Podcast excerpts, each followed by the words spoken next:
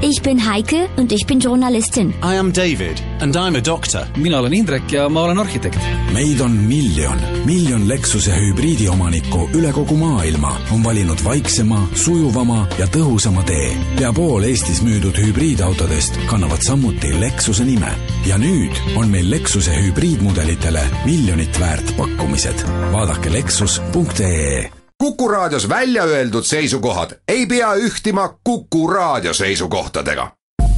Te kuulate Kuku Raadiot.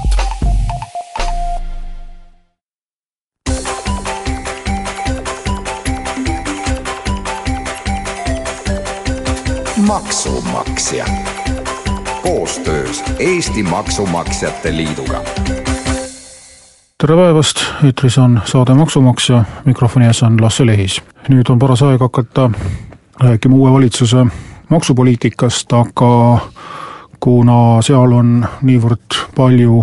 teemasid, millest saab arutada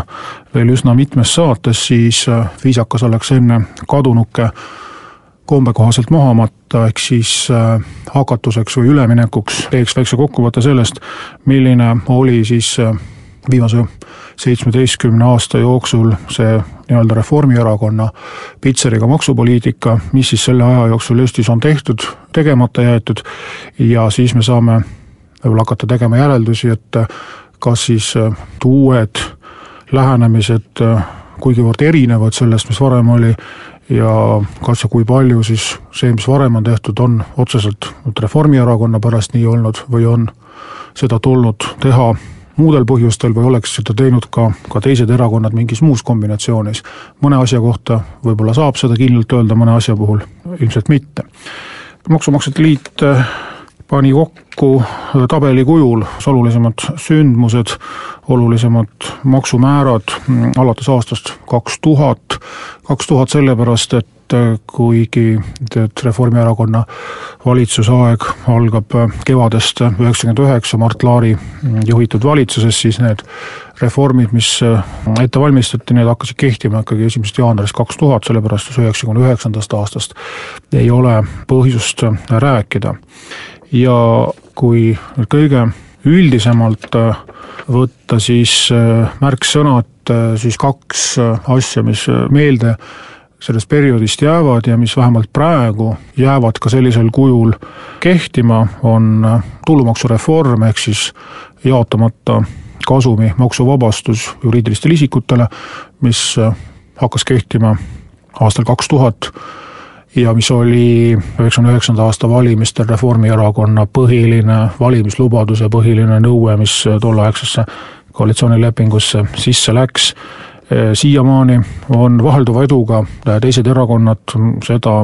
reformi toetanud, mäletan siin enne aastat kaks tuhat üheksa, kus oli väga tõsine kriis, oli oht, et Euroopa Liit nõuab meilt selle süsteemi muutmist, õnneks lõpuks selgus, et direktiivi, seda kurja direktiivi on valesti tõlgendatud ja meil ei ole midagi vaja muuta, siis sellest ajast ma mäletan küll, et sisemiselt Eesti oli ühtne ja ja kõik erakonnad, olid nad koalitsioonis või opositsioonis kordamööda või korraga, kõik toetasid Eesti tulumaksusüsteemi jätkamist ja leidsid, et sellest on majandusele kasu ja noh, teatud mööndustega on selline suhtumine säilinud ka, ka praegu. ja teine olulisem ja selline märgiline Reformierakonna jaoks tundub, et väga oluline maksumuudatus oli tulumaksumäära vähendamine kahekümne kuuelt protsendilt kahekümnele tõsi, kui nüüd päris aus olla, siis leidis aset see maksumäärade vähendamine aastatel kaks tuhat viis,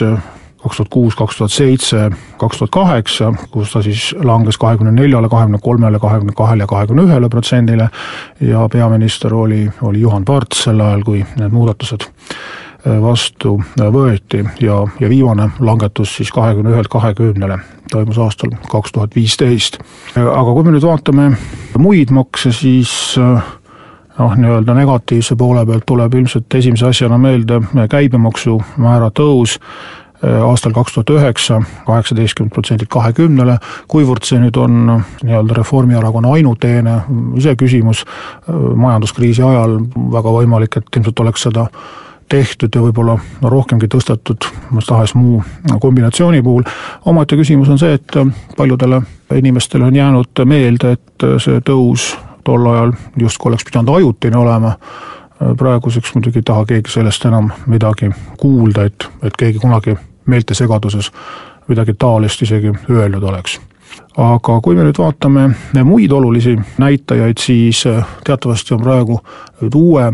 uue valitsuse kõige selline säravam idee maksude osas tulumaksuvaba maksuosa, tuluosa tõus radikaalselt, noh, selles mõttes saja, saja kaheksakümne pealt viiesaja peale on kindlasti midagi enamat kui, kui siin saja seitsmekümne pealt saja kaheksakümne peale, nagu need tõusud praegu on. ja kui me vaatame nüüd maksuvaba tulu näitajaid, siis siin muidugi tuleb tuleb selles mõttes äh, appi võtta keskmine palk, sellepärast et noh, loomulikult kui see nüüd äh, aastal kaks tuhat oli see summa kaheksasada krooni kuus ja, ja praegu on sada seitsekümmend eurot, et see ei ütle meile tegelikult suurt midagi, aga kui võtta suhe keskmisesse palka, siis aastal kaks tuhat oli keskmine palk kolmsada neliteist eurot, nüüd on tuhat ükssada kuuskümmend kolm eurot. Ja nüüd protsentidena vaadates siis maksuvaba tulu määr on kõikunud selle kuueteistkümne aasta jooksul äh, siis vahemikus neliteist kuni kakskümmend üks protsenti. Ja kõige suurem, ehk siis noh, ütleme siis madalapalgalisele kõige kõige sõbralikum on see maksusuhe olnud aastal kaks tuhat viis, kui alustas oma peaministri karjääri Andrus Ansip, siis Reformierakonna ja Keskerakonna koalitsioonis. ja kõige madalam on ta siis äh, olnud neliteist protsenti ja, ja see on olnud näiteks siis aastatel kaks tuhat neliteist ja kaks tuhat viisteist, siis äh, peaminister Taavi Rõivase valitsemise ajal. ja teine vähemalt Maksumaksjate Liidu jaoks oluline näitaja on olnud sotsiaalmaksu kuumäär. ja siin on see suhtarv vastupidine, ehk siis eh, mida, eh, mida väiksem see protsent on, seda soodsam eh, siis madalapalgalistele on maksusüsteem olnud ja siin on, ongi täpselt sama äh, trend, et aastal kaks tuhat viis, nagu sai mainitud, on ka siis sotsiaalmaksu koormus olnud kõige väiksem, ehk siis ähm, see miinimumkohustus on olnud üheksa protsenti keskmisest palgast ja kõige suurem on ta olnud aastal kaks tuhat kümme. Ja nüüd viimastel aastatel on ta ka jõudsalt tõusnud siin kolmkümmend kolm protsenti, kolmkümmend neli protsenti, ehk siis äh, kokkuvõttes võibki öelda, et kaks tuhat viis on olnud äh, maksumaksjale kõige õnnelikum aasta,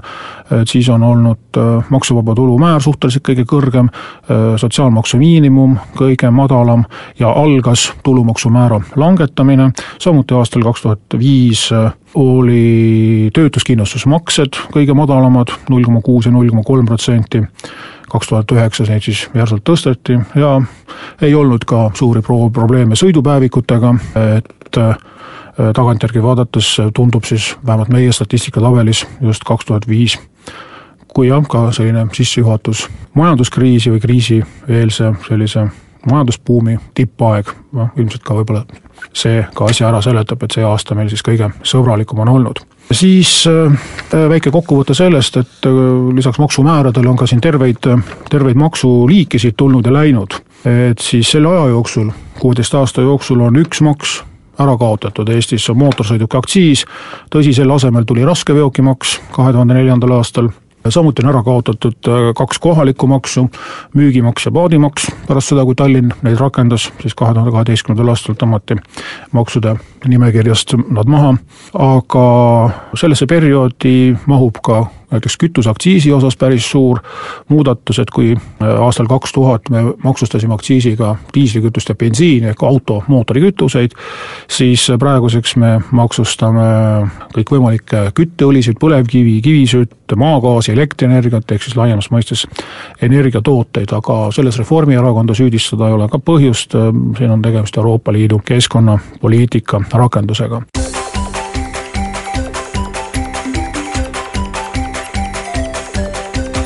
Maksumaksja. Koostöös Eesti Maksumaksjate Liiduga